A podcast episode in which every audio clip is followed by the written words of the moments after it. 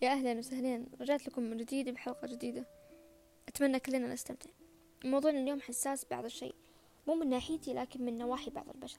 مع أني ما أنكر أني غالبا أستغرب من العادات السيئة اللي تعود لك أنت يا إنسان بالضرر. ولا أؤمن بأن الحب يعني يتخلى الإنسان حتى عن كرامته وعزة نفسه. أنا صح ممكن أني أحبك بس مو لدرجة أحاولك فوق قدرتك العقلية للاستيعاب. إذا أنا مو مرغوب لأكثر شخص أنا حابة. حتى لو يوم من الأيام ألهمني لو مرة واحدة بالفرصة ما راح يكون أحد فينا مبسوط. أنت ممكن تحس بألم بضميرك لأنك قاعد تكذب على نفسك وعلي أنا. وأنا راح أحس بنهاية يومي باستنقاص لذاتي. عشان كذا لا أؤمن بأني أتودد لأكثر الأشياء تسددا لي. أشمئز غالبا.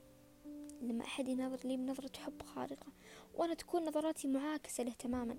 مو اشمئزازا منه أبدا لا. لكن أشمئز من داخلي الفارغ لأني لطالما حلمت بأن أصادف شخص يحبني أكثر من حبي له ولما لقيت أنا فارغ تماما. نفس الشي لما تطلب شي من أمك وأبوك.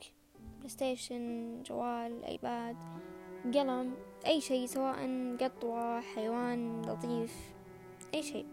بعد مدة طويلة يوصلك كهدية أو إرضاء أو حتى أنهم نسوا هالشيء وبعد فترة طويلة تذكروه بعد رفض طويل طبعا. داخلك راح يكون فارغ تماما لا رغبة لا شغف ولا حتى رضا عن هالشيء. لأن المدة الطويلة اللي جلست فيها مع نفسك تتمنى كثير. تحولت أمنياتك إلى رماد يتناثر. معروف أن الرماد ما يتماسك مع بعضه بس أنت بهالفترة الطويلة اخترت أنك تنفذ عليه بهواء من فمك.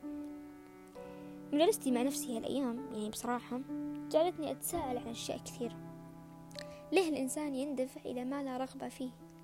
يعني أقصد بشكل عام وواضح. ليه نحب أشياء مو ليه نتعذب بينما إحنا قادرين برمشة عين نتناسى؟ ما أقصد ننسى ننسى بالمرة. لا نتخيل مع أنفسنا أننا نسينا ومع الوقت يمكن نلاقي الشيء اللي حبيناه من نوابع قلبنا وراح يبادلنا نفس المشاعر. ما أقصد يعني أشخاص بالمعنى الحرفي لكن يمكن بيوم من الأيام نلاقي شغفنا وحبنا بشيء آخر. مثلا الرسم. صراحة أنا اخترت إني أختار هالموهبة بالذات لأنها موهبة عظيمة جدا تتماشى مع أجيال كثيرة.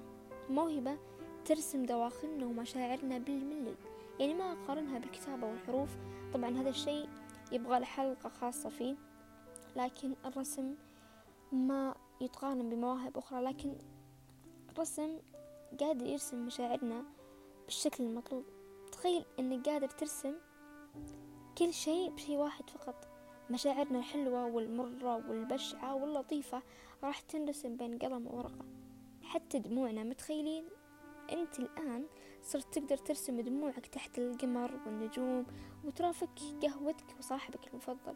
كل ذا برسمة واحدة محوطتها إطار وورقة بالنسبة لي أصحاب قررت قرار بيني وبين نفسي بأني جلست نفسي مدة طويلة وقلت أنا ما راح أتودد لأشياء إلا لما أكون أنا ضامن أنها بتبادلني التودد. بيوم من الأيام أنا توددت القلم والورقة والآن بعد مدة طويلة بقول لكم إني صرت أسجل لكم وصرت أحب الورقة والقلم. وأقول لكم إن هالشي قاعد يبادلني نفس التودد. قاعد أسجلكم الحلقة هذه بينما أنا وراي أسبوع حافل بالاختبارات. دعواتكم بنجاح. أنا سارة كنت معكم أنا هنا.